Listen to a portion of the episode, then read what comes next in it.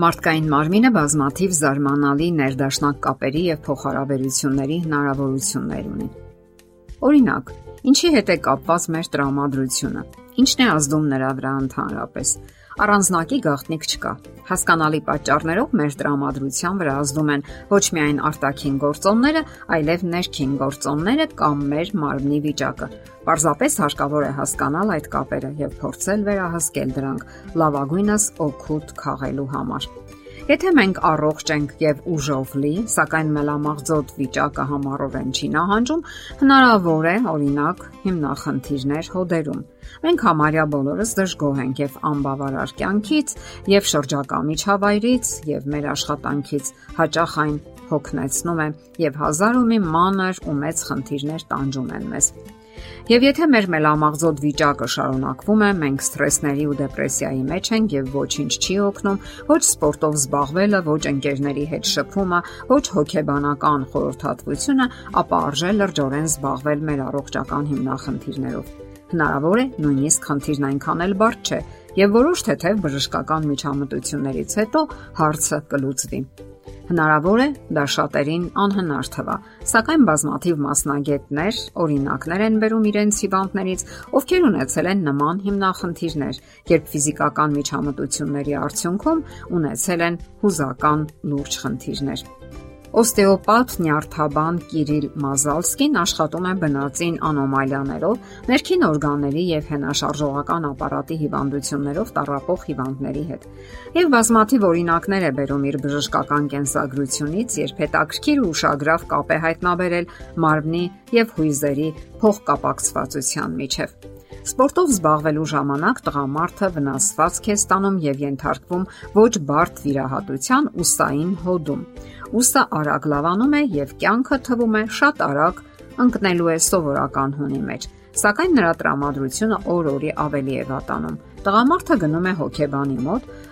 որը իմանալով կրած վիրահատություններից հետո մարմնի եւ հոգեբանության վերականգնման առանձնահատկությունների մասին նրան ուղարկում է Կիրիլ Մազալսկու մոտ։ Վերջինս հասկանում է, որ վիրահատություններից հետո տրամադրության փոփոխությունները հազվադեպ չեն հիվանդների կյանքում։ Չէ որ մենք դուրս ենք գալիս մեր կյանքի սովորական ռիթմից, խախտվում է մեր կենսական գրաֆիկը, չենք կարողանում հանդիպել մեր ընկերներին, չենք զբաղվում սիրելի մարզաձևով եւ пассив կենսաձև ենք վարում։ Այս ամենին գումարենք նաև թմրեցնող դեղամիջոցների ազդեցությունը ամբողջ օրգանիզմի եւ հատկապես ուղեղի վրա։ Չէ որ թմրեցնող դեղամիջոցները ընկնելով օրգանիզմ կարող են լրջորեն ազդել հորմոնների արտադրության վրա, նշանակում է նաև տրամադրության հետագա փոփոխությունների վրա։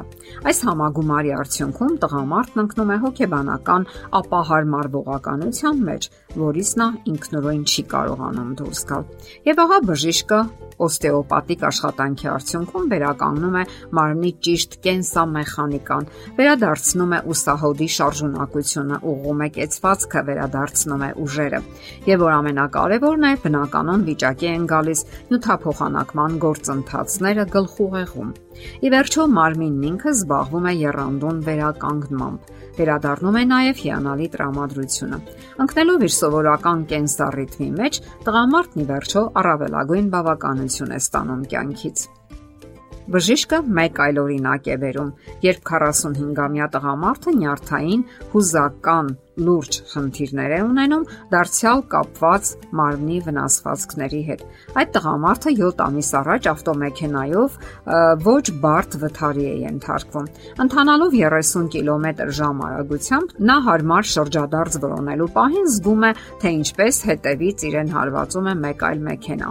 Հարվածն այնքան էլ ուժգին չի լինում։ Նա վնասվածք չի ստանում։ Միայն վզի շրջանում դեռ մի շափատ ցավեր է զգում։ Հետազոտության ժամանակ ողջվում է, որ տղամարդու մոտ եթարվածային վնասվածք է առաջացել։ Նենք վնասվածք, որի ժամանակ հետևանքները դրսևորվում են մի քանի ամիս, երբեմն նույնիսկ տարիներ հետո։ Իսկ արդյունքում տեղի է ունենում մարմնի հյուսվածքների, մկանների, կապանների, ուղեղային ամուր թաղանթի կտրուկ գերլարում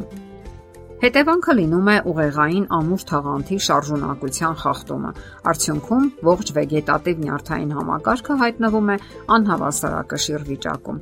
Հարցն այն է, որ ախտորոշել այդ վիճակը ախտորոշիչ սարքավորումներով կամ ձեռքի միջոցով այնքան էլ հեշտ չէ։ Այն ախտորոշում են հիվանդի հոգեբանական վիճակով։ Առաջին ախտանշաններից մեկը դեպրեսիան է։ Այն զարգանում է ընդհանուր տկարության ֆոնի վրա։ Գլխապտույտ, գլխացավեր, առիթմիա Իսկ մարդիկ սովորաբար հակված են անտեսելու նման ախտանշանները եւ նման վիճակը օրգանիզմի։ Մտածում են, որ առանձնակի վտանգ չկա, ինքն իրեն կանցնի։ Եվ ահա մեր հիվանդի դեպքում նշանակում են վերականգնողական մի քանի սեանսներ, որից հետո մարմնի շարժունակությունը վերականգնվում է։ Կարգավորվում է գլխուղեղի արյան շրջանառությունը, ինչպես նաեւ ողնուղեղային հեղուկի շրջանառությունը։ Բոլոր օրգանները վերադառնում են իրենց բնականon աշխատանքային վիճակին. Անհետանում է դեպրեսիվ տրամադրությունը եւ վերջապես հիվանդն ունենում է հիանալի տրամադրություն։ Նման օրինակներ կարելի է շատ բերել։ Մեր ֆիզիկական առողջությունը սերտորեն կապված է մեր տրամադրության հետ։ Երբ առողջ ենք, մեր տրամադրությունը տեղին է, իսկ երբ ունենք ֆիզիկական հիմնախնդիրներ, բնականաբար հոգեկան անկման մեջ ենք։ Ահա թե ինչու ֆիզիկական առողջությունը խիստ կարևոր է, որpիսի լինենք դրականորեն տրամադրված եւ կենսուրախ։